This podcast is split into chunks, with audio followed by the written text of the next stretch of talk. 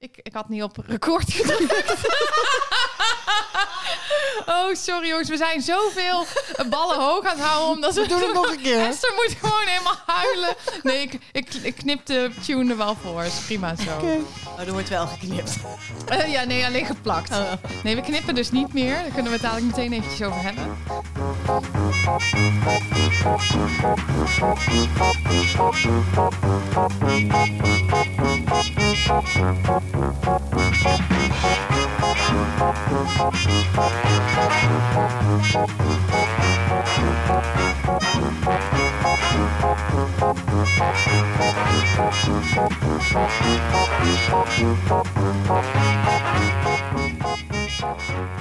Laten we beginnen met onze gast voorstellen. Ja, daar is ze. We hadden haar echt heel lang niet gezien. Wie ben ik? Ja, en, en een van de beroemde donor detectives, hè? ja, Die rode. die Van de donor detectives.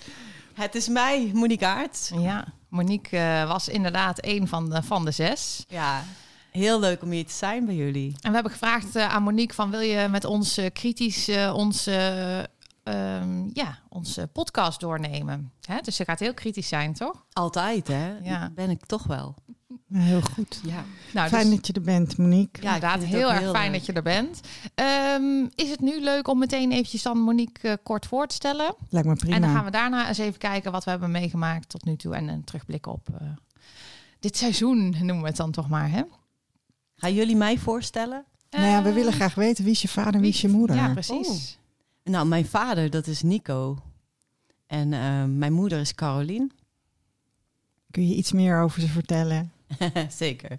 Nou, Nico heb ik dus, ehm, wat is het, drie jaar geleden gevonden. Eh, hij was eh, een donor bij eh, de kliniek van dokter Karbaat in Barendrecht. Ehm, hij woont eh, heel dicht bij mijn peetoom en peetante toevallig. Ehm, ja, hij is gewoon een hele leuke man. Ik lijk ontzettend op hem, maar dat nou, weten jullie. onvoorstelbaar. Dat kunnen wij bevestigen, hè? Ja. Ja, toen, toen jij Nico vond, dat was echt zo'n momentje dat je dacht van ja, maar als je hem op straat was tegengekomen, Dan had ik het gezien. dan had je het gezien. Maar ja, wij letten ook als kinderen zijn er natuurlijk altijd op. Ja. Welke man van middelbare leeftijd je tegenkwam op straat. Ja. ja, er was eigenlijk voor mij geen DNA-bewijs nodig. Maar eh, ja, en ehm, Maar toch gedaan, toch? zeker, ja, dat wou hij graag. Hè? Voor de zekerheid, om teleurstellingen te voorkomen. Ja. Hij werkt ook in de GGZ, net als ik. Kijk. En dat is wel heel bijzonder, want ik eh, doe dit pas vier jaar. En ehm, ik kende hem dus toch niet voordat ik deze keuze maakte. Maar het eh, bevestigde wel van, oh, dat kan er best wel eens een goede keuze zijn geweest. Mooi. Ja, en ehm, ja, wat wil je nog meer van hem weten? Mm, Hij heeft een broer. heeft hij Ehm, ook gedoneerd? Gingen ze samen? Vast een, vast een familieuitje. Staat hij in Vion? Eh, ja, hij is zich ook ingeschreven bij Oh, Vion. en hoe lang heeft jouw donorvader gedoneerd? Eh, een jaar of twee, tweeënhalf. Oké, Ja, hij was student. dus het valt reuze mee. En hij wou graag lesbische stellen aan een kindje helpen. Dat eh, leek hem wel een goed idee. Want er waren zoveel lesbiennes in zijn omgeving die zeiden van... joh, maar jij zou een goede donor zijn. Hmm. En wat is dat dan? Hè? Ja, Wat, is, wat eh, kenmerkt nou een goede donor? Ja. weet jij het? Nee, ik weet Nee. het niet. Misschien moet ik dan nog even uitvragen. Ja, dan. Maar dan hebben ze het vast gewoon een lieve gast gevonden. ja, dat ja. denk ik. Ja. Fijn mens. Hè? En lang en eh, ja, slim. Dat zal wel meespelen. Ja, precies. En daarom lijk ik zo op hem. Ja.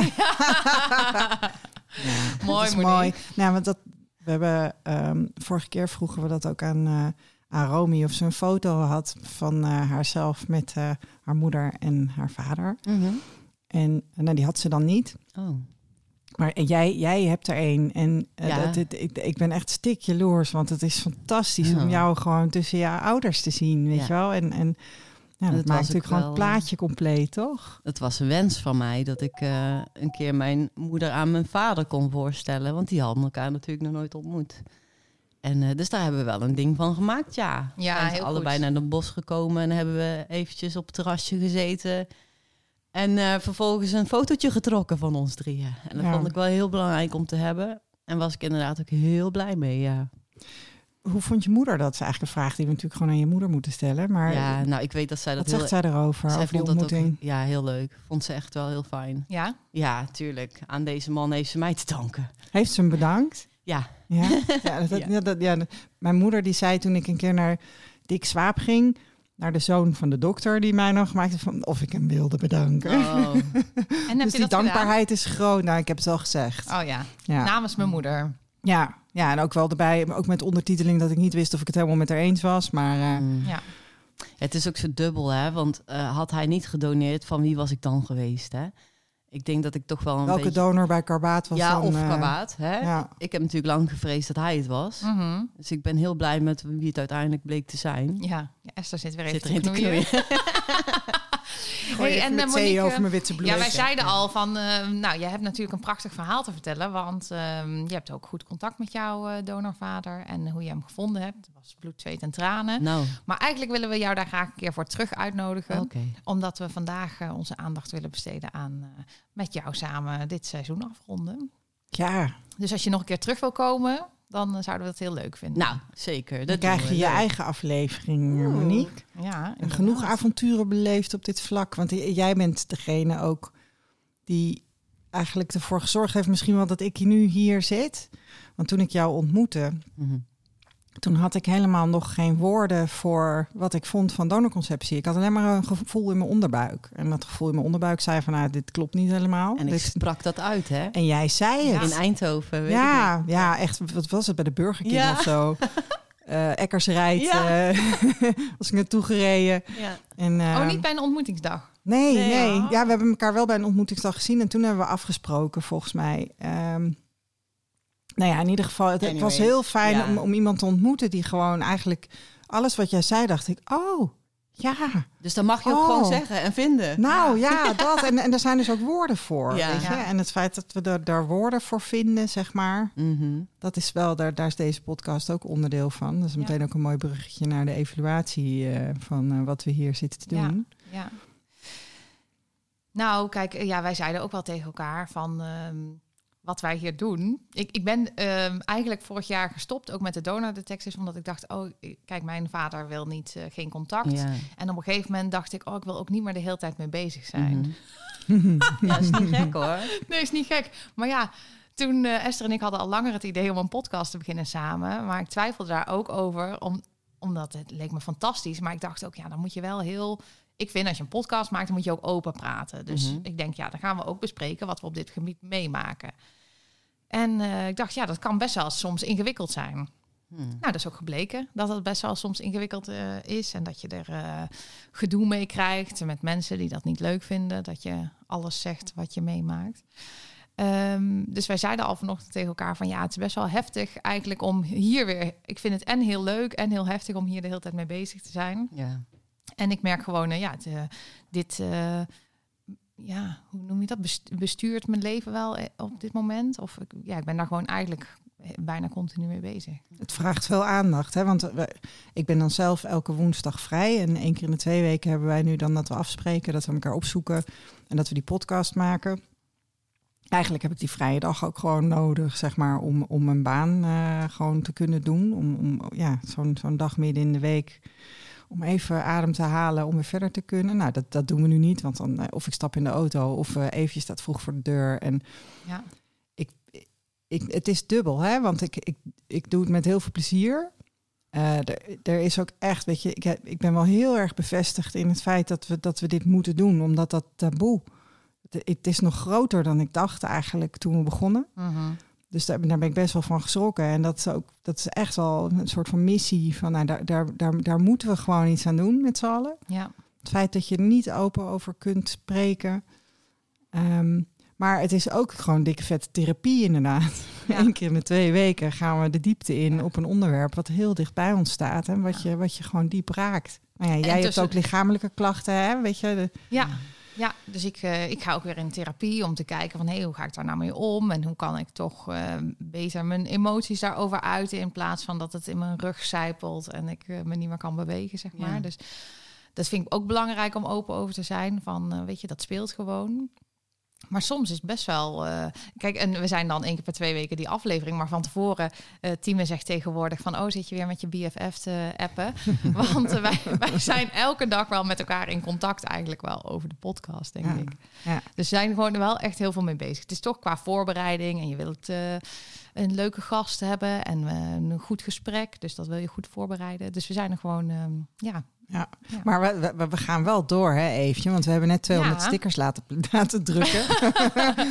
we, gaan, we gaan wild stickeren. Nou, we gaan dus zeker door. Maar dat is Ja. dus de grap. Kijk, ik merk wel dat ik denk, oh, dit vraagt echt veel. Maar ik heb geen moment gedacht van, dan moeten we ermee Nee. stoppen. Of minder, ook niet. Was dat niet met eh donor detectives hetzelfde? Ja, alleen op het laatst kreeg ik daar dan niet meer zoveel energie van. Mhm. Eh, omdat wat we aan het doen waren... ehm, ja, ik weet niet, we hadden de eerste stappen, de euforische stappen gezet of Ja. zo. Het begin was echt magie, hè? Nou, Ja. Dat is en, echt en magie. dit, ja, kijk, ik vind dit, eh, dat radio-idee, vind ik, eh, dat vind ik heel leuk. Weet je wel, dus hier krijg ik dan ook door de vorm die we gebruiken en, en het contact met mensen. Dat vind ik zo leuk, want we krijgen zoveel leuke reacties van mensen en die mailen. En ik moet zeggen dat ik ook heel leuk vind om te zien hè, hoeveel luisteraars we dan hebben. Dat ik denk, dat vind ik echt bijzonder voor zo'n niche waarin wij praten. Want wij praten dus alleen maar over donorkind zijn Ja. en alles wat daarmee te maken heeft. Verder helemaal niks.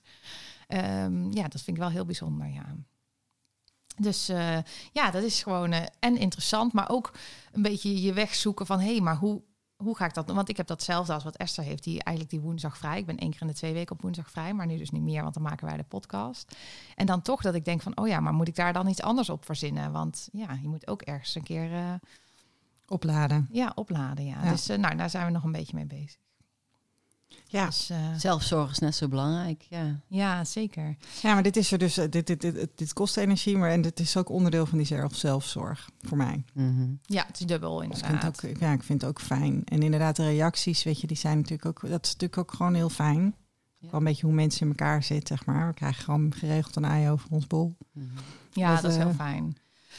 Ja, maar er gebeuren ook ingewikkelde dingen. Bijvoorbeeld, eh, de, wat we, waar we even wilden, het over wilden hebben, is vorige keer hadden we, spraken we Romy in de podcast. En dat was een heel leuk gesprek. En Romy is een tevreden donorkind. Een Eh, lieve meid ook. Heel lieve meid. Alleen ehm, toen stond de podcast online en toen eh, stuurde zij jou een berichtje hè, van eh, ja, dat ze had toch het gevoel dat ze wat te veel informatie over haar donorvader had gegeven. Was het te erg op de gemak hier bij jullie? Nou ja, daar moet je voor oppassen, Monique. Want Ja, eh, wij ja. stralen heel veel eh relaxedheid uit, eh, blijkbaar. Nee, maar ik kan me wel voorstellen, op een gegeven moment zit je gewoon met elkaar te praten, hè, alsof die microfoon er niet bij Ja. is. Eh, dus zij vroeg van, eh, willen jullie wat dingetjes knippen? Dat had zij ook nog nooit gemonteerd. En je kan echt niet zomaar in een zin zo ergens een woord tussen uitknippen. Want dat hoor je, dat wordt, Ja. dat wordt lelijk, zeg maar.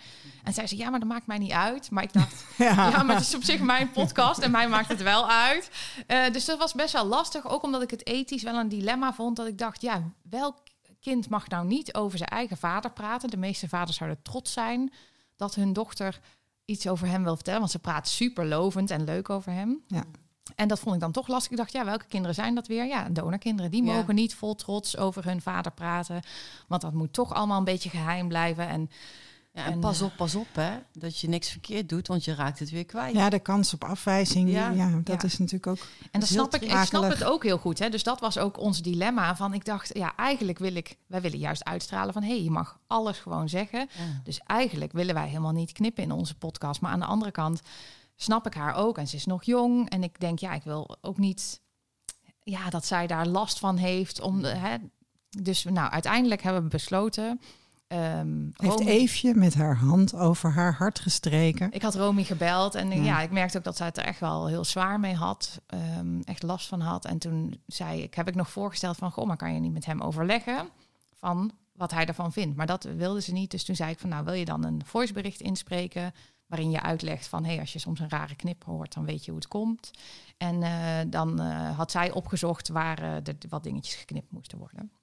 Nou, dus dat, ja, dat hebben we dan, nou ja, dat heb ik dan toch gedaan. En, maar dat is dan wel een soort dilemma, weet je wel. Daar ben je dan wel mee bezig. En dan denk ik, oh ja, ehm, zij is het voorbeeld, het voorbeeld van het tevreden donorkind. En dat is ze natuurlijk ook. Hè. Zij is gewoon hartstikke blij met de situatie zoals die is. En dan nog, denk ik, en dan nog is er dus, dus het is geen sprookje of zo, weet je wel. Er zit toch nog een, een rauw randje aan, denk ik dan. Ja. Dus dat besef, dat komt dan weer eventjes binnen. Ja, en we hadden, we hadden de keer ervoor nog, uh, ook, ook toen we met Ivo en Martijn spraken, gezegd van hé hey jongens, uh, let op wat je zegt, hè, want wij knippen niet. Nee. En dat, dat was ook heel stom. Dat, hadden we, dat, dat waren we gewoon vergeten te zeggen ja. bij, bij Romy. Ja, want was maar misschien ook wel meer op de hoede Ivo geweest. en Martijn, die gaven daar ook aanleiding toe, want die zaten een beetje grove grapjes te maken. Dus toen zei ik van ja, dat kan je dadelijk best doen, maar ik knip ze er niet uit. Dus, Nee, maar goed, we hebben dit wel, we hebben dit wel geleerd. Dat we in ieder geval... Dus dan weet je, als je bij ons in de podcast komt, uh, en nu voor Monique, uh, we, we, gaan niks knippen. Uh, want we dachten wel, we doen dit nou één keer. En voortaan gaan we altijd tegen de gast zeggen als die er is. wij knippen niet, dus let zelf op je woorden. Hey, en um, ik heb die aflevering teruggeluisterd hè, met Romy. Mm -hmm. En je zou de indruk kunnen krijgen, als je die luistert, dat zolang je het als kind altijd maar gewoon weet, dat het helemaal prima goed, oké, okay, koek en sopie is.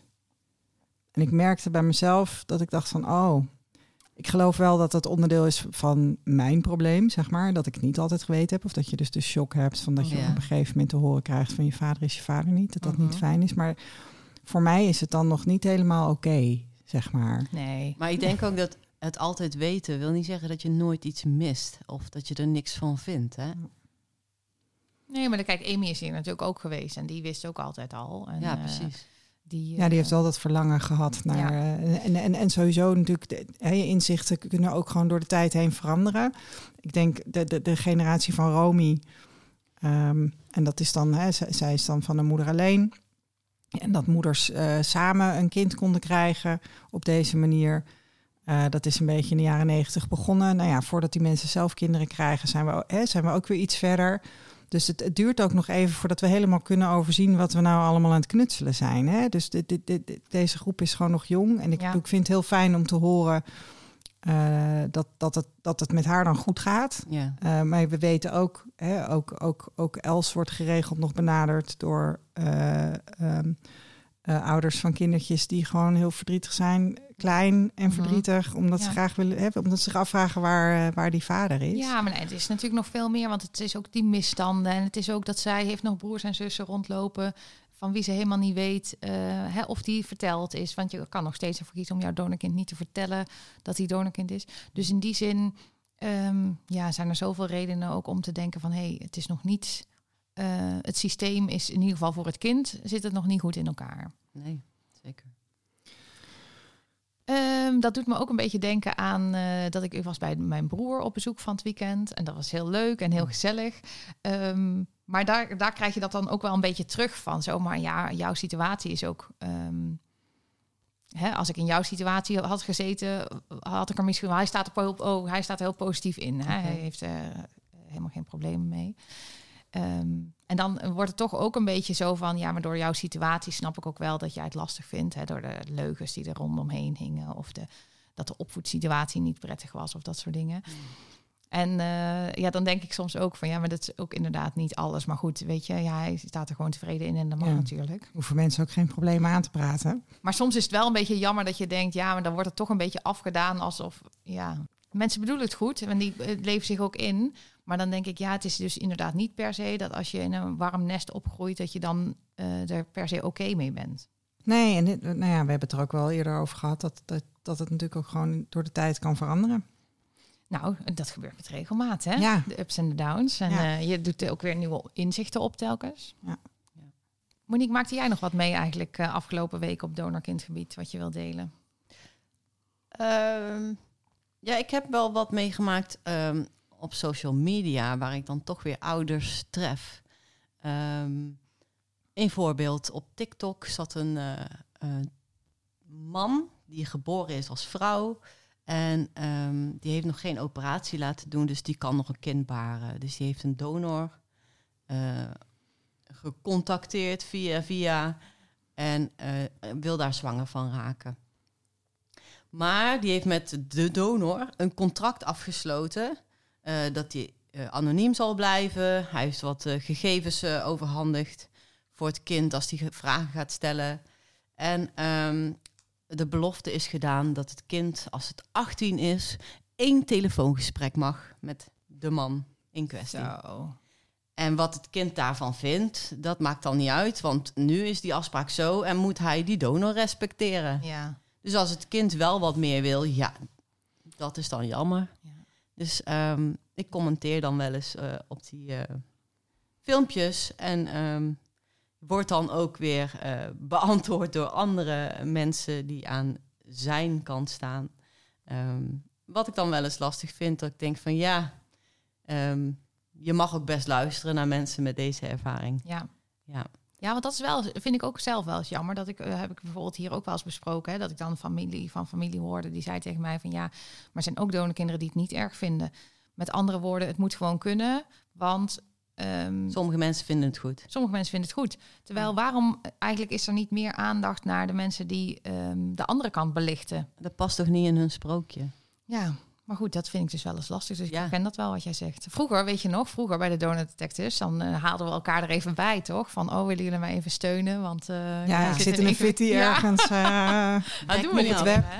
Dat was, ook, dat was ook wel pittig vaak, Ja, hoor, want ik kreeg wel heftig. nare reacties soms. Hè? Ja, en het is ook niet hè, dat als jij eh, homoseksueel bent of eh, transseksueel, dat je dan ehm, helemaal beschermd moet worden van alle kritiek. Toch? Nee, en dan, dan refereer je aan het feit dat op het moment dat jij, dat jij kritische opmerkingen Dan maakt, ben dat ik je homofoob, bent. Ja, op zijn Ja. minst. Terwijl Ja. jij dat ja. altijd heel respectvol doet. Dus ehm, Nou ja, en het gaat uiteindelijk natuurlijk ook gewoon om de rechten van die, van die kinderen. Ja. En ehm, ja, weet je, sorry, één telefoongesprek met je vader. Ja, Hoe kan je wat nou is dat dat soort voor afspraken deal? maken? En Ja, waarop baseer je dan zo'n afspraak ook? Hè? Waarom denk je dat dat dan goed genoeg moet zijn? ja, bizar. Maar goed, als het goed is, dan eh, eh, wordt dat gewoon ook een lekker eigenwijs kind. En, ja, eh, maar je zou ook denken, goh, die persoon weet wel wat eh, identiteitsstoornissen zijn. Hè? nou, en, en, En dat wens je toch voor je niet voor je rechten. kind? Ja, Ja. Hè, hoe zwaar dat kan zijn. Ja. Ja. En dan toch denken. zo eh, kortzichtig zijn, omdat wat jij wil eh, niet strookt met wat een kind mogelijk wil. Nee. Wat ik lastig vond na de vorige aflevering was dat we het hadden met, over, over matchen. En dat de SDKB dus mensen aan elkaar matcht zonder DNA te gebruiken. Ja, Dat is bij Romy Wat dus vinden, jullie, Ja. wat vinden jullie daar? Dat Ja, maar goed, het, je, ik, even eh, los van, eh, van dit specifieke voorbeeld. ik vind daar wel iets van, omdat je krijgt dan een bericht van, oh, we hebben jou gematcht aan de donor. En dan ben je blij waarschijnlijk. Dan Ja. denk je, hè, hij is gevonden, hij heeft Ja. zich gemeld. Oh, hoe fijn is dat, hè? Als hij zichzelf meldt. Maar dan moet jij nog even zes weken in spanning gaan zitten, want je wilt toch graag DNA-bewijs. Nou, maar er wordt, dat, is dus niet, dat is dus niet vanzelf. Er, gaat dus, er wordt gewoon administratief gematcht, Monique. Ja, en dat kan echt niet. Zonder DNA. Want we weten dat wordt niet- het, eh, Dus ik, krijg- ik krijg daar dus, ik, krijg, ik heb daar dus, dit was ook onderdeel van terugluisteren, weet je, dan hoor ik dat weer. En dan, ik krijg daar echt buikpijn van, want we weten, dat weet je, dat die administraties. Ja. dat, eh, dat, dat, nou, die zijn niet altijd helemaal op orde. Nee. En dan druk ik me netjes uit. En, dan, en, en, en dat er dan daarop gematcht wordt. Dat, eh, de, de, de- wat ik gedaan heb, ik heb ehm, eh, een appje gestuurd naar eh, Ellen van Fiom. ja.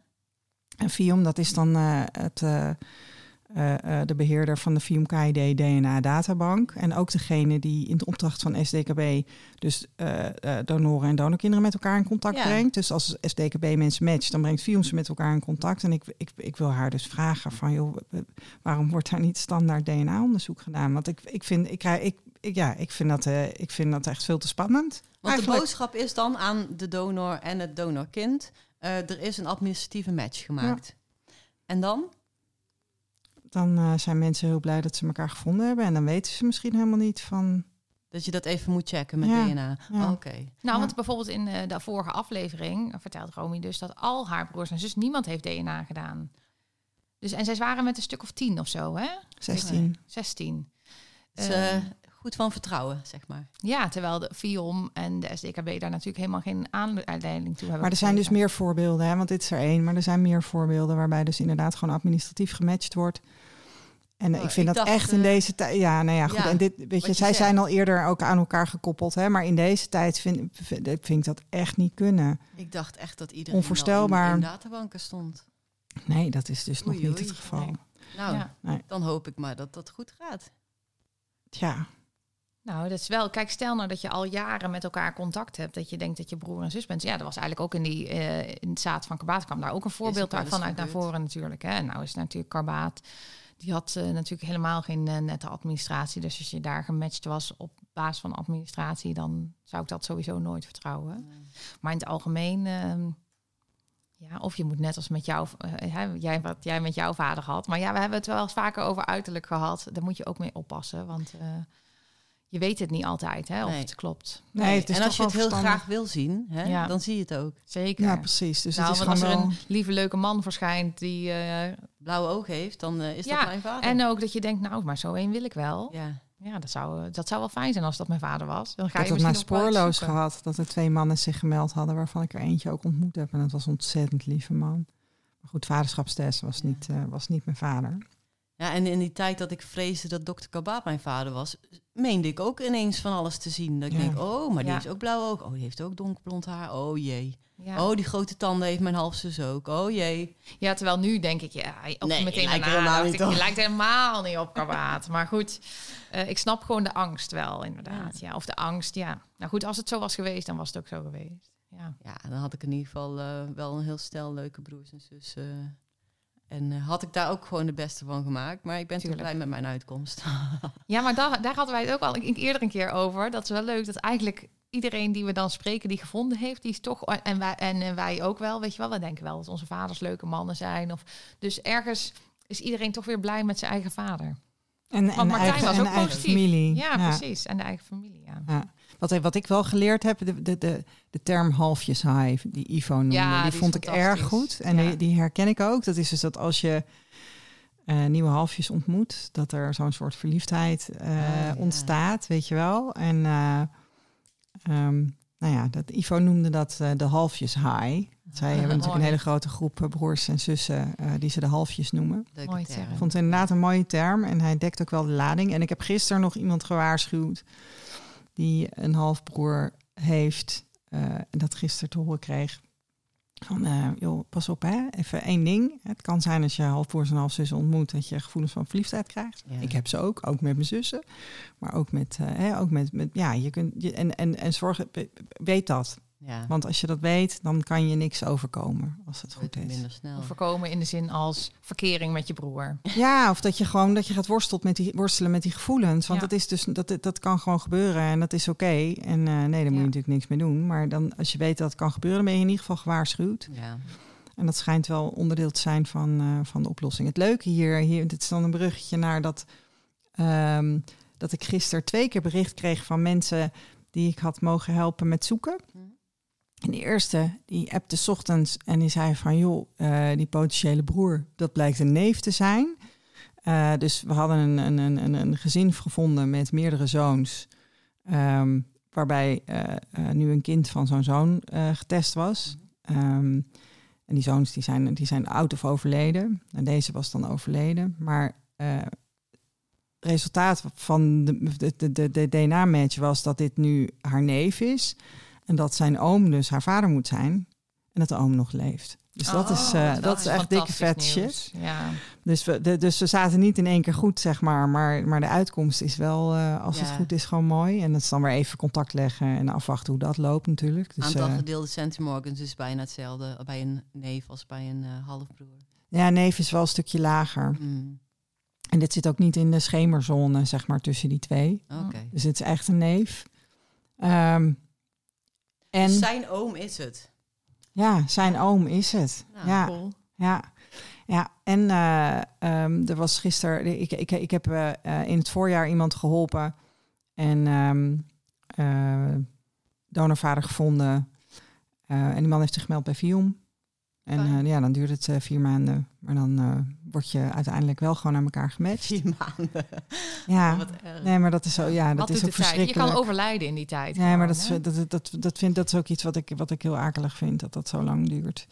Ehm, maar die, eh, eh, die zijn ook bevestigd. Dus dan ben ik gewoon aan het werken. Hè? En dan, dan, dan staat mijn telefoon, staat, ik- mijn, mijn, mijn, monitor staat op een verhoging. En dan staat mijn telefoon, die staat daar dan zo tegenaan. En dan zie ik zo'n WhatsAppje binnenkomen. En dan zie ik, oh, oh, zij, oh, oh, bevestigd. Oh, en dan zit ik gewoon in een Teams meeting. Of, oh, eh, heftig. Ja. en dan gewoon een soort van normaal blijven doen. Terwijl Ja. ik echt denk van ja, weet je, ik wil daar eigenlijk wil ik daarheen en dat Ja. daar op dat moment zijn. Want dat is, dat is echt wel ongeveer de beste high die Ja. er is hoor. Dat vond ik dus ook Een zo, hele high. zo Ja. gaaf. Ja, een hele high inderdaad. Maar dat heb ik dus ook wel op pauze moeten zetten om me te kunnen focussen op mijn twee opleidingen en mijn leerbaan. Ja. Ja. Maar jij, deed ook mij- veel stambomen, hè? Ja, en, en inderdaad, eh, ook werd, het, werd ik gewoon wel, wel eens geappt midden in de nacht dat iemand zijn uitslag had. Ja, en dan was ik zo blij. En dan wou ik die persoon ook even spreken natuurlijk. En hè, de volgende stappen doornemen of wat dan ook. Of de emoties even, ja. Eh, maar ik sliep dan ook heel weinig. Ja, en dat Ja. kan gewoon echt niet. Ik ga heel slecht op weinig Ja. slaap. Jij zei het al even vooraf, hè? Van, eh, dat je er weinig mee bezig bent en, Ja. en hoe dat voor jou is. Wil je daar nog iets over zeggen? Nou ja, ik heb het eh, ehm, gewoon best wel ja, op een laag pitje moeten zetten. Mijn eh, bemoeienissen, zeg maar, met het donorkind gebeuren. Ehm, omdat ik me gewoon volledig wilde focussen. Ik moet het eigenlijk ook gewoon, want dit, dit is zo'n afleiding. Ehm, en dat geeft me wel heel veel rust. In het begin niet, was super frustrerend, want dan kon ik er niet bij zijn, terwijl ik het wel wou. Ja. Ehm, en ik wou me er wel in onderdompelen. Maar ja, ik had zo'n verstandige keuze gemaakt om dat niet te doen. Maar uiteindelijk eh, heb ik daar wel heel erg veel baat bij gehad. En mijn rust ook echt in gevonden. Ehm, om dat even te parkeren. En natuurlijk krijg ik wel van alles mee. Hè, en vooral de highlights dan. Maar ik ben er gewoon niet 24-7 meer eh, mee bezig aan het opzoeken. En aan het praten met andere donorkinderen. Of mensen aan het helpen. Dat, eh, er was gewoon even geen ruimte voor. Nee, nou, dat snap ik ook heel goed. hey, ik, eh, ik had ook nog iets. eh, ik, ik kwam een, ehm, eh, op Instagram. We zitten op Instagram met Kwak Kwaakt. En dan komen er heel veel donorkind dingen voorbij. Die gaan we natuurlijk allemaal volgen. Er is een Instagram-account en dat heet Donor Child. Het gaat over een Deens donorkind. En heel blij donorkind. Dus als je graag tevreden donorkinderen wil volgen. Heel dan- dankbaar zeker. Heel dankbaar. En, eh, maar ook eh, allemaal, en dat, dat vind ik dan weer bijna een beetje zorgelijk. Allemaal eh wensouders die benaderen haar dus. En zij geeft dan voorlichting over hoe blij donorkind ze is. Bevestigend. En dan, en dan zeggen die mensen: Oh, wat fijn, je hebt ons echt geholpen. En dan denk ik: Maar ja, ik ga je wel ook de andere kant bekijken. Nee. Maar goed, dat wilde ik niet eens zeggen. Ze deed een filmpje met haar moeder op Instagram. En dan ging ze vragen van mensen die meekeken beantwoorden. En eh, op een gegeven moment vroegen ze van, aan, tegen haar hoe zij dan tegen haar donor aankeek. En eh, nou, het was mij niet duidelijk of ze weet wie dat is of niet. Maar ze zei, nou, ik heb er eigenlijk geen gevoelens over. Behalve dat ik hem dankbaar ben eh, dat hij dit heeft mogelijk gemaakt. Waarop haar, haar moeder dus zegt, en, en, en dan denk ik echt, nee, wat zeg jij nou? Zij zegt, ja, en ik ben heel dankbaar dat hij hier niet is geweest. Eh, terwijl je opgroeide en dat hij er nu ook niet was. En dat ja, ik jou lekker voor mezelf heb. ja, en, en, en zo, ja, dat ze.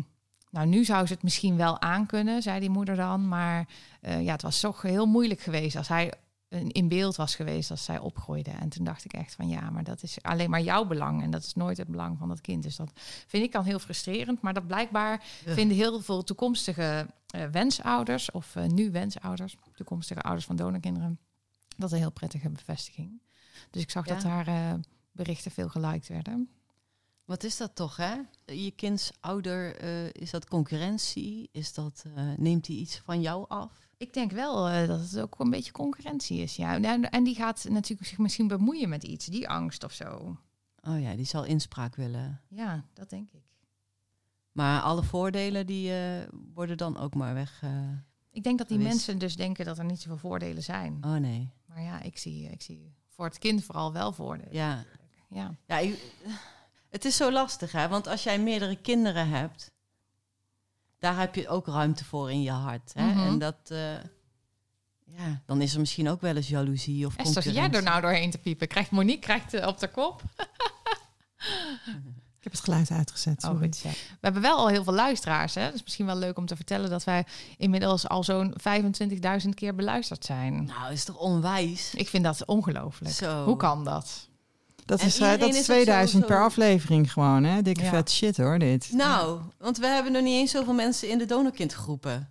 Nee, Nee, nee maar, dat is, maar dat, is, dat is ook wel heel leuk. Ja. Er zijn dus mensen die zich aanmelden bij de groep omdat ze de podcast gehoord hebben. Ah. Dus dat, en, en mensen die ik ken uit de groep, die worden door bekenden gewezen op. Wist je dat er een podcast Oh, is? wat Ja. leuk. En daar moet je eens naar luisteren. Ja, en dat is oh. echt. eh, En we hebben oprecht, eh, eh, doordat wij toen eh, met Gijs Groenteman in, in gesprek zijn geweest, hebben we volgens mij nog steeds luisteraars die zelf dus eh, of niks met donorkind zijn te maken hebben, of eh eiceldonor zijn, of wensouder, of dat soort dingen. Nou, wensouder, waarschijnlijk wensmoeder, want 80% van onze luisteraars op Spotify in ieder geval is vrouw. Ja? mhm, Ja. mhm. Ja. Ja, Ja. we zitten hier ook weer met drie dames vandaag. Hè? Dus ja, dat eh, Ja. is toch een meisjesding dit. Ja, apparently. We moeten zullen meer, meer mannen uitnodigen. Dat is dan meteen op het verlanglijstje voor komend jaar. Ja, meer want, mannen eh, in de podcast. Nou, daar ga- misschien is dat eh, tijd om het eh, daar eens over te hebben. Wat, eh, wat staat er op het... Of moeten we eerst nog eventjes... ehm, even terugkomend op vorige aflevering... hebben wij een oproep gedaan, Monique. Ja. Hartstikke leuk. Ha! Of mensen een Nou. DNA-test wilden winnen. Ja. Moest je wel iets voor doen. Eh, niemand wil een DNA-test. Nee, Of dat- niemand wou er iets voor doen. Nou ja, Nou, datgene wat wij vroegen was ook best wel veel gevraagd. Ja. Want veel donorkinderen zitten natuurlijk in de kast. En wij vroegen, ja, om je toch te outen, Ja. zeg maar. Maar weet je, ik denk, we laten ze gewoon staan. En mocht je nog denken van, hé, hey, maar ik, eh, ik durf het toch aan. Ik heb mijn Mm. moed bij elkaar verzameld. Of dat je dacht, ja, dat gaan zoveel donorkinderen doen. Ik begin er niet aan. we hadden er ehm, natuurlijk eentje aan Romy moeten geven, dacht ik achteraf. Ja, had gekund inderdaad. Ja. Eén voor, de, voor haar en één voor de donorvader. Ja, maar goed, als zij erin staat, dan kan ze in ieder geval is is ze Maar vindbaar ook om, voor om mensen. te winnen. die, eh, Dus we wilden juist dat, Ja. dat eh, eigenlijk eh, stimuleren dat mensen soort van uit de kast komen. Mm. Dus ehm, eigenlijk mijn voorstel zou zijn van laten we dat staan. En we kijken gewoon of er eh, deze zomer nog eh, dingetjes en binnenkomen. we kunnen op zich dat briljante filmpje, waar ik wel van genoten heb ik ben iemand die om zijn eigen grappen lacht. Dus, eh, maar dat, dat kunnen we gewoon wel vaker delen nog natuurlijk. Wie Ja. weet dat, eh, dat nieuwe mensen dat nog zien. In de herhaling. Maar mocht je nou denken van nou, daar zullen wel duizend donorkinderen aan meedoen en ik Ja. maak toch geen kans. Dat is niet waar gebleken. Dus eh, ja, doe vooral. Je maakt behoorlijk kans. Ja, maar je maakt best wel, als je het nu meteen maakt en op Insta zet, dan ben je de eerste, denk ik. hey, we moeten lezen, want we gaan dus met zomerstop, hè? Ja, we gaan eventjes pauzeren hoor. Ja, we Ja, zijn. eh, ik nodig. ja, dat is, het is best intens, eh, maar daar hebben we het al over gehad natuurlijk. Maar we gaan lezen deze Ja. zomer, want er zijn allemaal eh, boeken Ja. verschenen. Eh, zoals Brave New Humans van Sarah Dingle. Mhm.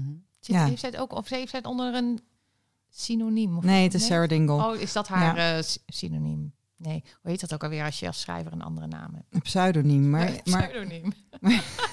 maar is, het, is het een pseudoniem? Ja, volgens mij wel. Oh, Ja, oh. dat dacht Want ik. zij, zij was ook in, eh, in, in Genève voor in 2019, volgens Ja, mij, met, eh, met onze vriendin Stef. Ja. Met onze wereldberoemde vriendin. Die gingen toen spreken voor de Verenigde Naties.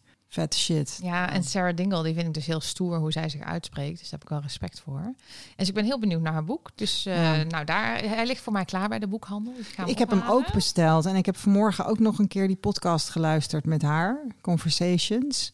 Eh, waarin zij vertelt eh, eigenlijk hoe in Australië donorconceptie in elkaar zit. En weet je, ze wordt geïnterviewd. En ik dacht, oh, zo'n interview hebben wij in Nederland ook nog nodig. Ja, Gewoon door een gerenommeerd journalist die eens eventjes afpelt hoe dat dan allemaal in elkaar steekt. Eh, omdat je ook daarin gewoon, ook in dat verhaal, je kan het zo op Nederland plakken. Mhm. er heel veel, heel veel niet klopt. ja. Ehm, maar dat is, eh, dat is inderdaad een boek wat helemaal uit Australië hier naartoe eh, verscheept moest worden. Dus daar moesten we even op wachten. Maar er is ook een, eh, een boek in Nederland verschenen. En dat heet De Stem van het Donorkind. Nou, we kennen ook mensen die daaraan mee hebben gewerkt. En ja, we willen daar, het daar wel over gaan hebben, ook in de podcast. Ja, Eefje heeft mij een beetje opgejut. dus ik heb net, en dat is heel makkelijk bij Esther. ja, ik heb, ik heb net eh, de uitgever een mailtje gestuurd om te vragen of, eh, of we het mogen recenseren. En of ze dan een exemplaar met ons eh, zouden willen delen. Ja, Dat we dat kunnen, kunnen lezen. nou, ik vond het gewoon een heel goed idee. Ja, is dat? Eh, dan is er nog meer boekennieuws, want ehm, ja, wij gaan zelf met een uitgever praten. Ja, we zijn uitgenodigd. Hè? Maar Ja, Ja, ik, ik, ik ben heel benieuwd wat het verhaal is eigenlijk van, Ja. eh, van die mevrouw en wat ze wil. Ik, ik zie zelf namelijk nog echt wel een boek in de Donor Detectives. gewoon Oh, dit is in die, nieuws voor mij. Wat in die zes verhalen. Maar wat ze nou met ons dan zou willen, dat, dat eh, vind ik ook nog een beetje spannend. Ja. En mag je iets zeggen over wie dat is? Of? ja eh, of niet? Geen idee, maar misschien, misschien, moeten, we dat, misschien moeten we even wachten. tot Oh ja, We gaan eerst eens kennis in ieder maken. geval, Oké. De manier waarop het ging, zij had onze podcast gehoord en ze had Ja. zoiets van, die uitgeefster, en die eh, had zoiets van, ja, daar zag ze wel een boek in. Oh. En toen hadden wij het er even, eh, even over gehad en toen dachten we, het is al best wel een tijd geleden, en dachten we, nou, een gesprek kan altijd. Ja. Maar zij stelde voor via Zoom of Teams. En ik dacht, nee, ik wil wel gewoon even face-to-face iemand in de ogen kunnen kijken. Want ik vind dat nogal wat. Ja, dat wilde ik ook. Ik wilde die mevrouw ook gewoon even ruiken. Ja. dus Dus dat gaan we volgende week, hè, doen. is dat? Oh, Ja. leuk. Ja. Ja. ja, en in de zomer gaan we dan even geen, eh, geen podcast maken. Nee. Maar we komen in september terug. Ja. Ja. Toch? Ja. September. Zeker. Lijkt me een mooie maand. Ja. Zo, dan Ja, of eind augustus. wordt het weer herfstig weer. Gaan we lekker bi- binnen zitten. We moeten maar eventjes kijken. Ja. En ehm, ehm, wat wel leuk is ook, is dat we vanmorgen... We hebben een hele mooie grote koffer. En daar zitten onze, onze spullen zitten daarin. En daar hebben we stickers voor besteld. Dus we hebben vanmorgen stickers op onze koffer geplakt. Dus eh, we- gaan nu over straat met een koffer met eh, de Kwak Kwaakt Donorkind podcast. En we hebben dus stickers ook, eh, ook besteld. En we gaan ook voor onszelf gaan we truien en petten bestellen. dus mocht je nou interesse hebben, ja. dan weet je, en je wil echte de Kwak Kwaakt Kwak merchandise. Ja. dan stuur ons even een berichtje. Kan je Want ook op dan, de auto? Ja, weet ik niet. Weet nou, ik, ik, ik heb dus een soort fantasietje dit weekend ontwikkeld. Ik dacht ineens, misschien wil ik wel een campertje kopen. En die dan helemaal zo bespuiten met eh, rappen, logo. rappen. rappen. En dacht ik, dan gaan we met onze, dan gaan we samen op pad met onze apparatuur. eh, naar mensen toe. En die gaan we dan eh, op locatie interviewen. Of Esther had het al over een reportage maken of dingen. Dus, Ja. nou, dus dat was nog een beetje mijn droom. Een beetje zoals de man met de microfoon. Die heeft ook zo'n een bus. Ja, wie die, die rijdt dan alleen door zijn eigen wijk, geloof ik, in Amsterdam-Zuid. Maar, eh, maar Ik wij heb- gaan dan heel Nederland door. ik heb iets droom. gedaan, Eefje. Oh, wat dan? Ik heb gemaild met de man met de microfoon. Hè? Ja, maar dat was, dat is wel, eh, ja, dan moet ik dan toch even een, een liefdesbrief of... eh, Nee, niet eens. Niet eens. Ehm, dan moet ik hem wel natuurlijk heel snel erbij pakken. Ja, schiet maar eens op. Dat, eh, eh, want wij knippen niks. Ik heb niet vanuit We hebben de... geen commercials ik heb in niet, eh. Nee, inderdaad. Oh ja, Chris Baaiema. Ik heb mail van Chris Baaiema. Dat is onze podcastheld. Ja. Ehm, ja, want hij, heeft- hij, heeft- hij biedt t-shirts te koop aan. Ja. Dus ik ging voor ons allebei een t-shirt bestellen. Ah. Met eh, eh, de, de, de man met, de microfoon. Dat is onze inspirator eigenlijk. Ja, ja. Want dat is de eerste podcast die we Ja, allebei luisterden. En eh, hij heeft een busje en rijdt dan door Amsterdam-Oost. En, en Oh, Oost, tekent, daar, uit, maar- tekent daar verhalen op. Ehm, nou, inmiddels heeft hij ook, doet hij ook wat andere dingen. Omdat met corona kon je natuurlijk niet in een busje stappen en mensen aanspreken. We zijn drie jaar geleden zijn we. Hij, hij, hij heeft af en toe ook events. We zijn een keer in de Rode Bioscoop geweest, hè? Bij een live, ja. eh, live podcast. En eh, we zijn een keer op een rondvaartboot geweest met Chris. Ah. Ehm, Met Chris. Met dat Chris. is dus de man met de microfoon. de man ja, met de microfoon. en eh, dat was echt heel erg leuk. En ik heb hem dus die foto's gestuurd. En ik heb gezegd, ik wil t-shirts bij je bestellen. Oh, leuk. En toen hoorde ik niks. Dus toen heb ik nog een mailtje gestuurd. Van, zit ik in je spam? Jij hoorde drie kwartier later nog niks. Nee, eergisteren. Ik heb vanmorgen gestuurd. Ik heb eergisteren een mailtje gestuurd. Maar goed, ik heb, ik heb dus in mijn mail wel ook gewoon... Beste man met de microfoon. eh, dat ik voor mijn vriendin Eefje mezelf een t-shirt wil bestellen. Maar ik heb dus ook wel verteld dat we een, eh, onze eigen Donorkind podcast eh, zijn gestart. Maar ja, hij, daar, daar reageert hij, hij haakt daar nog niet helemaal lekker op aan. Oh, jammer. Dus, maar goed, Nou, Esther is natuurlijk eh, ja, heel erg van de, ja, in de marketing zit jij officieel. Hè? Dus Esther die weet hoe je alles aan de man moet brengen gewoon. Nou, nou ja, we doen ons best. Maar in ieder geval, we, we, we, we gaan dus, we krijgen een man met de microfoon merch, Ja, maar ook de kwak ja merch. Ja, en ik zou ook wel, een van mijn fantasieën is ook wel dan, dat je dan een, het de kwak zomerboek hebt of zo. Weet je wel, dat als we dan met, eh met reces gaan, dat mensen dan wel gewoon lekker een donorkind puzzeltje kunnen leggen. Ja, of je het woord eh, donorkind een kleurplaat. in, een- in een doorstreper kan zoeken. ja. Nou, en... ehm, Namen en- van vaders, een Zweedse puzzel met namen van vaders of zo. Want doet de man met het microfoon ook in, eh, inmiddels aan sponsoring? Ja, volgens mij wel. Dat deed hij al. Oh, dat De- deed hij al je, Die had dan ja. zo'n brillenwinkel. Wij noemen natuurlijk geen merken nog. Maar, eh, want wij zijn daar toch ook over na aan denken. Dus stel dat je nou deze, dit, dit hoort en je denkt... 25.000 uh, streams. Wow, nou, daar uh, heb ik wel een idee wat ik aan de man wil brengen. Een dan, heel uh, aantrekkelijk publiek van allemaal donorkinderen en betrokkenen bij het onderwerp. Ja, precies. Ja. Allemaal hele lieve, leuke mensen zijn dat. Want ik weet nog ooit moest ik zo lachen, mijn tandarts die was donor. Hè, en ging ja. ik proberen te overtuigen om zich bekend te maken. Dat is helaas niet gelukt voor die overleden, dus daar ben ik oprecht heel verdrietig. Maar wat wel heel grappig was, vond ik, dat hij wilde dan ook een keer met mij koffie drinken. Van die weten waarom ik het wilde weten. Want als dat dan hem zou overtuigen, dan zou dan, ja, dat zei hij niet zo, maar dan wilde hij het wel doen. Maar uh, toen uh, zei hij, ja, maar even, wat nou als al mijn donorkinderen psychische problemen hebben? toen moest ik toch een beetje lachen. Ik zeg, maar waarom zouden jou hij heeft ook uh, vier uh, wettelijke kinderen, eigen kinderen, zeg maar. Ik zeg, waarom zouden jouw kinderen nou allemaal psychische problemen hebben? Maar er was toch een soort angst van... Um, oh. van ben ik dan straks verantwoordelijk voor, um, voor allemaal mensen die uh, psychisch niet in orde zijn... die bij allemaal bij mij op de stoep staan om daar hulp voor te krijgen. Ik vind het wel interessant, even wat je zegt. Waarom zouden donorkinderen psychische problemen hebben? Wat koppelt hij daaraan dan? Dat die mensen misschien toch uh, een tikje hebben gekregen? Of omdat jij een mental case bent? Ja, omdat ik, omdat ik niet helemaal goed ben ja. natuurlijk. Zijn ze net als jij? Ja. Nou, allemaal net als Eefje. Nee, ik denk nou. dus niet dat hij mij zag als een mental case. Nee joh. Um, ik denk, uh, ja, maar kan natuurlijk. Hè. Mensen die dit luisteren, die kennen mij natuurlijk niet. Maar ik ben toch redelijk normaal, denk ik altijd. Ja, jij denkt dat, dat, dat je ja. normaler bent dan dat je bent. Dus, ja, ja. precies. Dus mijn zelfbeeld klopt daar wat dat betreft al niet. Maar um, ik denk dat het meer de angst is voor uh, toch verantwoordelijkheid moeten dragen straks voor iets waarvan je ooit hebt gedacht dat je daar nooit verantwoordelijkheid voor zou hoeven dragen. Dus je hebt dat zaad afgestaan, nooit gedacht dat je daar nog iets van zou horen. Ja, maar En dan... hij was ook best wel nieuwsgierig, eigenlijk, want ik merkte gewoon dat er een opening zat, want hij wilde wel. Je zag wel een gaatje. Ja, ik zag, ik zag wel een gaatje, ja. Ah. Um, ik wilde wat delen met jullie, want ik wilde graag een oproepje doen. Oh. Uh, voor het volgende seizoen. Of ja, mensen die is leuk. dingen met ons willen delen um, die ze hebben gedaan voor hun ouders om te laten weten toen ze dus hoorden uh, dat ze donorkind waren. Dus dat is niet als je het altijd al wist. Of misschien wel als je het altijd al wist. Misschien deed je dan ook iets. Maar ik hoorde bijvoorbeeld op mijn vijftiende. En toen heb ik iets gedaan om mijn moeder te laten weten dat het helemaal niet erg was dat ik uh, een anonieme donorvader had.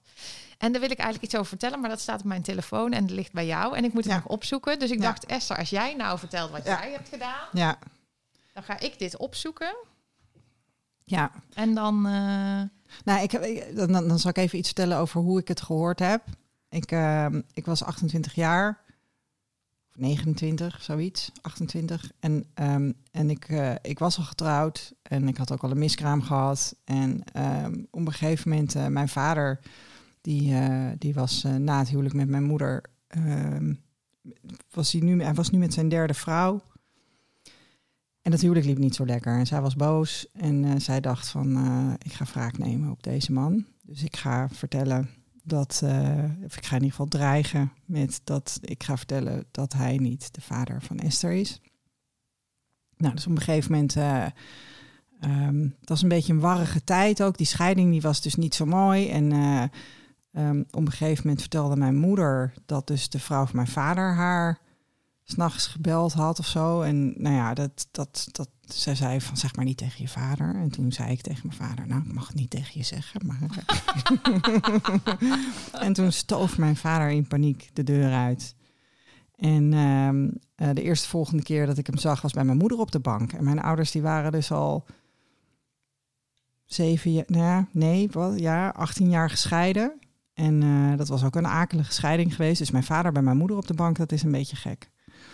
En nou ja, ze hebben me toen dus verteld van uh, we moeten met je praten. Uh, uh, nou ja, mijn vader heeft gezegd ik ben niet, ik ben niet je biologische vader. En um, ik ben de deur uitgerend. En ik ben een tijdje later weer teruggekomen. Ik ben een wegloper. Um, en ik, ik had dus heel erg met mijn vader te doen. Ik vond het heel zielig voor hem. En ik ben, ik heb een afspraak gemaakt bij de fotograaf. Wij hebben een statieportret laten maken. Weet je, ik heb gewoon foto's laten maken. En, uh, en daar mooie lijstjes bij gekocht. En vooral gewoon om hem te bevestigen. Van joh, je bent mijn vader. En dat, gaat, dat verandert niet. Ja. En dat klopt, hè? Want en hoe ik heb reageerde nu, hij daarop? Um, hij heeft zich het op dat moment laten, ja, kan ik dat zo zeggen, laten aanleunen. Um, eh, er is niet op ingegrepen door mijn ouders. Die hebben niet gezegd van, joh, lieve schat, dit hoef je niet te doen. Ehm, en ik weet dat mijn vader had het toen ook, mo- weet je, hij zat natuurlijk in die scheiding. Ja, en, dus voor hem ehm, voelde het misschien best wel lekker dat jij dat deed. Ja, dat, dat, zal, dat zal ongetwijfeld fijn geweest zijn. Ehm, maar goed, ik, ik, ja, hoe langer het geleden is, hoe meer ik denk van, nou, dat is een beetje gek, hè? Dus iemand zegt tegen jou van, ik ben je vader niet. En vervolgens ga ik heel hard rennen om hem te zeggen dat het niet geeft. Terwijl volgens mij zou dat andersom moeten zijn, hè? Van, Denken? ja, dus het is in ieder geval niet mijn verantwoordelijkheid om het weg te maken of om te zorgen dat het niet uitmaakt. Dus dat is eigenlijk mijn verhaal. Ik ben met mijn vader naar de eh, fotograaf geweest. Een eh Eefje. Nou, ik, ik heb hem er even bij gepakt. Jij was Ehm, een stuk jonger. Ik was, eh, ik zal het even vertellen. Mijn moeder, ehm, ik was, eh, nee, niet hoe oud mijn moeder was, dat is volledig onbelangrijk. Ik was 15 en mijn zus was drie jaar ouder, dus die was eh 18. En mijn zus had een wat oudere vriend en die dacht al na over van wat als wij eh, kinderen willen. En ehm, eh, mijn wettelijk vader, die eh, had een aandoening, die was kleine mens, Lilliputter zeiden we vroeger nog. Dus die, eh, en dat was een erfelijke aandoening, dus daarom hadden ze gekozen voor donorconceptie. Ja. Maar wij wisten natuurlijk van niks. Best wel grappig, want achteraf denk je, dat komt natuurlijk een keer uit, want dat is een erfelijke aandoening. Ehm, en eh, toen wilde mijn zus dat uit laten zoeken. En toen heeft mijn moeder met kerst, zo'n mooie kerstdag was het, heeft zij het verteld. Mijn zus en ik meteen huilen. Oh, we zijn toch wel echt zussen. En zei mijn moeder, ja, bleek later nee, maar moest nog een paar jaar op wachten. Maar die avond wist ik dat dus niet. En toen heb ik een gedichtje geschreven eh, voor mijn moeder om te laten weten dat het helemaal niet erg was. Oké. En dat gaat zo. Hmm. Oh, wacht, ik had een geluidje ervoor. Hè? Zal, ik, zal ik het doen? Of Ja, is dat doen. is wel grappig, toch? Was dit het? Oh. Papi. Papi was maar een zaadje. Het kwam uit een heel klein gaatje. Sorry. ik ga door. Papi werd bewaard in een bakje... tot het werd gespoten in mammy's baarmoederzakje.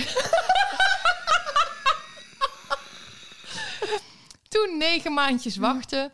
terwijl we naampjes bedachten...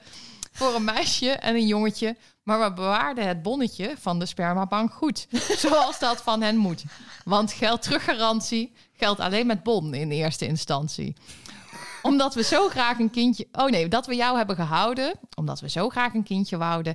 Is geheel niet tot mijn spijt. Want je bent een lieve meid.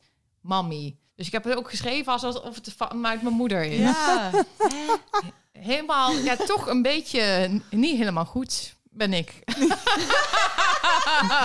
het be- De bewijs is tandarts, de tandarts had misschien toch gelijk. Hij had toch gelijk. Hij eh, doorzag mij. Ja, inderdaad. Dus oh, dat, is heel eh, cheesy dit ja, gewoon. Fantastisch. Ja, een soort Sinterklaas gedichtje. Ach, jongens.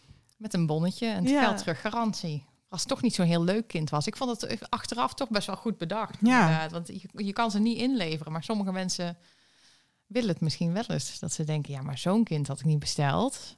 Maar wat is opvallend dat jullie allebei zo'n behoefte hadden om jullie ouders gerust te stellen. Ja, Monique, want vertel eens, hoe nou, ging dat dat bij jou? had ik dus helemaal niet. Nee. Nee. Ik was ook een jaar of veertien. Ik was gewoon pissed off. En wat hun geruststellen, kom nou. Maar ja, want Lekker, jouw dat ouders je dat waren meteen toen niet meer bij elkaar. Hè? Dus zeg maar het, het huwelijk waarin jij... eh, Ja, nou, mijn moeder was Ze jou dus, gemaakt eh, hebben? inderdaad getrouwd. Eh, zijn naam was John. Hoi John, als je luistert. Ehm, De groetjes, John. Ja, de groeten. Hij ehm, was dus onvruchtbaar. Mijn moeder die heeft altijd een hele grote kinderwens gehad. Nou, eh, ik denk... Uiteindelijk zijn ze dus bij je eh, eerst in het ziekenhuis, Zuiderziekenhuis, zijn ze geweest. eh, is mama zwanger geraakt van mijn oudere broer. En ehm, ja, toen is ze naar Barendrecht gegaan, is ze zwanger geraakt van mij. Ehm, twee jaar later of zo is eh, John eh, eruit genaaid en ehm, heeft nooit meer naar ons omgekeken. Ehm, ik denk een jaar later, ja, mijn ouders, mijn stiefvader kwam al om, om een derde ongeveer in mijn leven. En die zijn eh, nog steeds samen. Mijn moeder en mijn stiefvader, die waren, af, eh, waren gisteren ook 30 jaar getrouwd. ah. Zo, Ja. mijlpaal. Ja, vond ik wel mooi. Ehm, maar ik dacht dus altijd dat John mijn vader was. En ik dacht, nou, wat is dat voor een lapswans die zijn kinderen in de steek laat? Dus ik ben eh, in de brugklas naar hem op zoek gegaan. Ik hem even de verantwoording roepen van, wat ben jij nou voor vader? Wie doet dat nou? Wie laat zijn kinderen nou in de steek?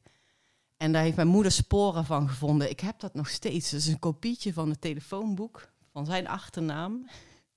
En ik ben in een telefooncel, ben ik die nummers allemaal gaan bellen. Iedere keer als iemand Op zoek naar die man. Ja. En ja. waarom niet thuis? Ehm, ja, ehm, ik dacht dat ze dat zou kunnen zien op de rekening of zo. Ik weet het niet meer. En waarom mochten ze dat niet zien?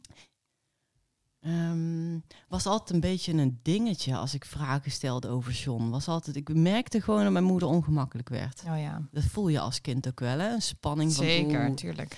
Dus eh, daarom deed ik dat stiekem. Maar goed, ze kwam er dus toch achter en heeft dus eh, gevraagd van... joh, eh, ben je op zoek naar hem? Dat heb ik toen maar ontkend. Nee, nee, even wel, maar nee, nou niet meer. en eh, toen heeft ze mij verteld dat, ik, dat John dus niet mijn vader was. En ehm, ook werd ik toen gerustgesteld eh, met de boodschap... dat mijn broer mijn volle broer was. Dat was wel zeker. Oh ja, Ja, en dat is denk ik bij heel veel gezinnen zo gebeurd. Maar ja, wist mijn moeder veel dat dat uiteindelijk een leugen bleek. Mhm. Want mijn broer is mijn halfbroer. Ehm, ja, nou, ik herinner me alleen maar dat ik nog nooit zo hard heb gejankt als die dag dat ik daarachter kwam. Ze kwam met een tijdschrift aan met een interview van een donorkind. Ik ben nu trouwens nog wel nog steeds nieuwsgierig wie dat was. Ik heb nooit kunnen plaatsen wie dat was. Oh. misschien mijn broer. Dus eh, iemand die... eh, is toen geïnterviewd toen hij een jaar of elf was. of het was een meisje. Ja. En zijn zus, maar samen met zijn Oh, zus. nou, het zou zijn- kunnen dan. ja. ja. Maar ik heb het helemaal niet gelezen hoor. Want ik dacht, wat slaat dit op? Dit heeft niks met mij te maken. Oh ja. Ja. ja. En toen kwam dus die boodschap. En ehm, ja, ik was vooral heel boos. Heel verontwaardigd ook. Wie doet dit nou? ja. En ik kon natuurlijk niet echt boos zijn op mijn stiefvader. Want die was er helemaal niet bij. Die had niks mee te maken. Maar hij heeft wel het ook mee verzwogen. eh, verzwegen. Mag niet knippen. Dus ik moet... Nee, moet je wel verbeteren. Maar ja, want, maar dat vind ik dan ook eigenlijk toch best naar, als ik dat mag zeggen. Dat jouw moeder gaat het dus wel aan jouw stiefvader vertellen en niet aan jou. En mijn stiefvader heeft het er blijkbaar met mijn opa nog over gehad. En er waren andere mensen in de familie die het wel wisten. En ik niet. Nee, de belangrijkste persoon wist het niet. Ja, dus daar was ik heel erg boos om.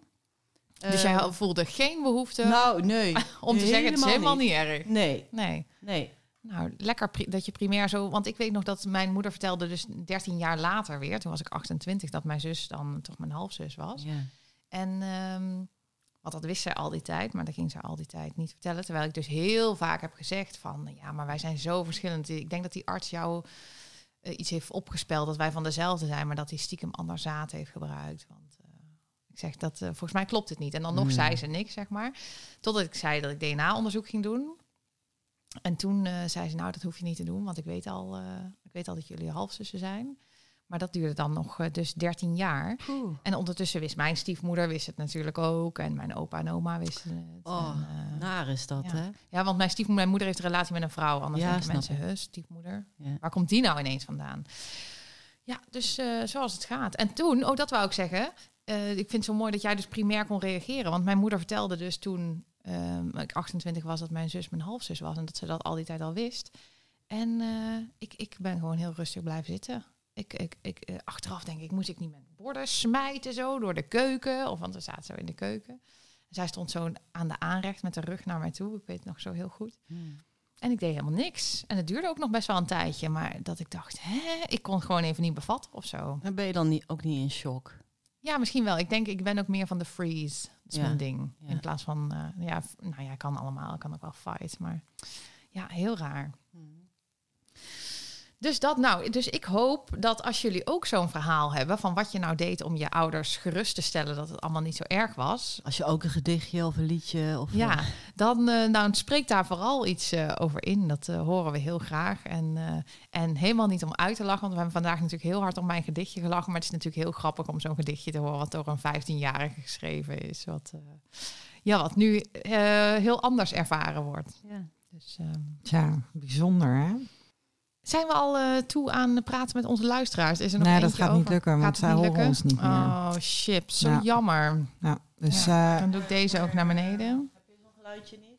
Eh, die heb ik er afgehaald, want ik dacht niet dat ik die ooit nodig zou hebben. nou, vandaag wel, helaas. Ja. Nou goed, we, we, we- ja, want wij wilden dus graag eh, een keer met een donorvader praten. ja, ja. Eh, Stef, Nog eh, eventjes uit- Belgische vooruitkijken naar komend over de seizoen, situatie want in we hebben- België we en hebben- we- eigen bijzondere verhaal. Super Ja. Stefke. Nou, en we worden ook geregeld eh, benaderd hè, naast, naast wensouders en eh, eh, Eiceldonoren. ook door eh, geadopteerden. Ja, dat vond ik een heel mooi idee van jullie. Om eens een keer een geadopteerde uit te nodigen. Ja. Ja. Om het te hebben over hè, wat hebben we nou gemeen? Wat zijn de overeenkomsten en wat, wat zijn de verschillen? Ja. Want ehm, ik heb laatst dus gereageerd op een Fion-post. En toen ehm, werd ik ook aangesproken van... joh, we moeten ons verenigen. Mhm. Ik denk, ja, waarom doen we dat eigenlijk nog niet? Dat is wel eens gebeurd. Ehm, op initiatief van Defence for Children hebben we een keer in Utrecht een bijeenkomst gehad met eh, zeg maar voorvechters van voor de rechten van donorkinderen en geadopteerden. Oh. En dan zit je dus aan tafel en dan kun je dus inderdaad gewoon de grap, de slechte grappen maken over, eh, joh, neem een puppy. Ehm, in plaats van eh, al, die, eh, al die trucken. En dat is, dat is natuurlijk heel lullig voor mensen met een kinderwens, dat snap ik wel. Maar goed, eh, als je onder ons bent, dan, dan kun je dus soms... slechte grappen kunnen ook heel louterend werken, is mijn Zeker, ervaring. Zeker. Ik hou, ik hou van zwarte humor. Ehm, nee, maar we hebben dus wel eens met elkaar aan tafel gezeten. Maar er is eigenlijk nooit echt een vervolg aan gegeven. En Laura werkt ook niet meer bij Defence for Children. Wat me wel een beetje afschrikt is wat ik zie dat er gaande is in adoptieland. Eh, dat er onderling nogal wat oneenigheid is en eh, mensen elkaar eh, uit groepen gooien, blokkeren, afvallen op social media. Dus daar ehm, ben ik dan wel een beetje huiverig voor. Oh, dat wist ik niet dat dat gaande was. Ja. Nou ja, ja. Ik, ik, ik, ik, ben daar, ik, weet daar, ik weet daar verder niet zo, eh, niet, niet, niet zo heel veel van dat dat, dat dat speelt of zo. Wat ik wel, als het om adoptie gaat, ehm, heel interessant vind, is dat internationale adoptie nu is stopgezet. Ja. En wat ik daar ook altijd wonderlijk aan vind, is dat er een hele sterke pro-adoptielobby vervolgens op gang komt. Ja. Hè? En ik, ik, ik heb thuis dan de trouw. Brand, nou die, die, die, die, eh, die eh, verwelkomen die lobby altijd met open armen. Want ik lees altijd verhalen over dat dat zielige kindje toch het allemaal, anders eh, in, in, in het land waar het vandaan kwam heel slecht zou hebben gehad. En Oh, dat ja. het hier, weet je, en dat Ja. is echt white supremacy. eh, Zeker, echt super verschrikkelijk. arrogant. Gewoon. De White Saviors. Echt. ehm, nou, dit, dat, ja, dat, dat, dat vind ik een heel akelig onderdeel van adoptie, Ja, van dat ook. narratief. Ja. Hè, dat je hier beter af zou zijn omdat we hier poen hebben. Ja. Ehm, maar ja, dat je dan dat, dat, dat ja, nou ja. Terwijl het, ja, en, de- en de parallel met wat, wat er gebeurt op het gebied van draagmoederschap. Nou, Weet je, dat, ik, dat je denkt van ja, je, je, je, je, je, je produceert eigenlijk kinderen met een, met een trauma. Ja. Ehm, hè, opgegeven door je moeder. En, en dan niet met het narratief van ze kon niet voor je zorgen. Precies. Maar, ja. maar nee, ze, ze gunde andere mensen een kindje, weet je wel. Dus, eh, eh, of Ja. ze had 50.000 dollar nodig. Of, eh, nou ja. Het lastige is ook de trauma, dat vindt plaats op het moment dat het kindje net geboren is. Die kan zich nog niet verwoorden, kan nog niet aangeven van Nee. joh, ik heb ergens heel erg last van op dit moment. Mhm. En als dat kind groter is, dan heeft het al die boodschappen al ontvangen van hoe gewenst het was en hoe Ja. lief dat die draagmoeder was en die eiceldonor en ja, noem maar op. ja. Dan durf je al eh, sowieso niks meer te zeggen, maar je weet het ook niet meer. Precies, Hè? want je, jij kan je dat niet herinneren. Dus Nee. je voelt misschien wel iets van onthechting. Ja, Of hoe- hè, hoe dat ook maar voelt. ook dat is normaal voor jou. Je weet niet dat je je anders had kunnen voelen. Ja. Maar er is echt wel een trauma als je wordt weggehaald bij de vrouw die jou zojuist negen maanden heeft gedragen. Ja, Ja, ik vind dat, dat daar is wel eh, onderzoek naar dat dat inderdaad zo is. Maar Ja. kijk, ik denk dat is een beetje dat mensen kunnen dat niet zien. Hè? Ehm, die zien dat niet, omdat ja, een kindje huilt en dan Nee, die heeft wat- honger. ja. En- Ze zien mensen met een kinderwens en mensen die met veel, groot verdriet dat ze geen kindje En- kunnen krijgen. maar je ziet en niet daar, aan dat kind van dat hij daar iets aan oploopt. Nee. En dat is het probleem, denk ik. Nee, goed. Nou ja, en we gaan dus eh, en, en, en we gaan dus aan de merchandise en we zijn gewoon plannen aan het bedenken hoe we eh, komend seizoen weer aantrekkelijk maken om, eh, om naar te luisteren. Dus mocht je daar ideeën voor hebben, Ja, eh de kwakkwaakt@gmail.com, ehm, Instagram at de kwakkwaakt. Eh, nou ja, Eefje Habets, Esther de Lauw. en al je Maak ons gek.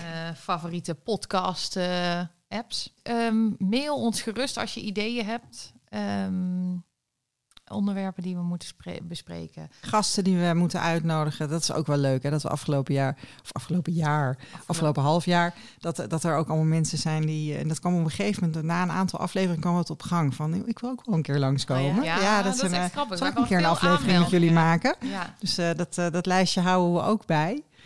Dat, eh, en daar, daar- Ja. daar gaan we komende zomer ook over nadenken hoe we daar, Oh, daar eh, kwam afgelopen weekend nog iemand bij, want mijn broer die heeft eh, zich ook aan het lijstje toegevoegd. Hij zei, ja, dat zou best leuk vinden. Oh, En ik zei, ja, de zus van Esther is al Ja. langs geweest, dus misschien nou Ja. mijn broer. Leuk. nou, ik vind het wel, ik vind het wel interessant. En Ja. ik, ik vond dat een heel spannend gesprek met ja, Lisette. precies. Echt heel spannend. Ik zou dat dus andersom ook heel spannend vinden. Ja. Want net als met- jij met Lisette, mijn broer en ik hebben elkaar, nou weet ik veel, een stuk of zes keer gezien misschien.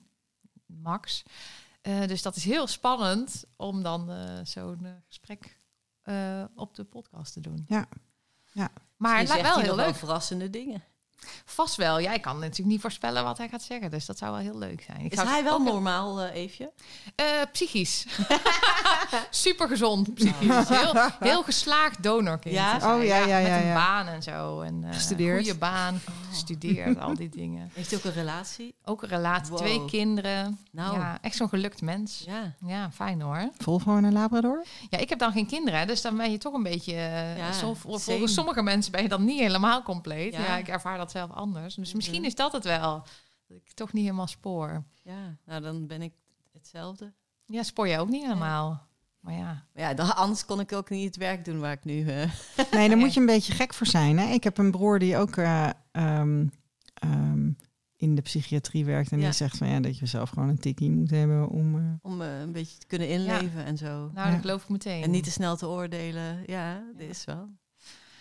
Lieve meisjes, willen jullie nog wat delen? Want anders zijn we aan het einde gekomen. Oh, wat gaat dat snel. Ik vond het eh, heel fijn om bij jullie weer te zijn. Ja, Ja, mooi. jullie doen dit zo netjes ook. Ja, vind je dat? Ja. Oh ja, want jij zou nog kritische dingen zeggen.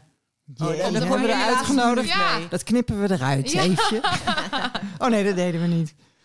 Nee, ja, ik vond het heel lastig om eh, eh, kritische feedback te geven. Want jullie, jullie zijn gewoon jezelf. En daar zijn jullie perfect in. Dus wat moet er nog beter?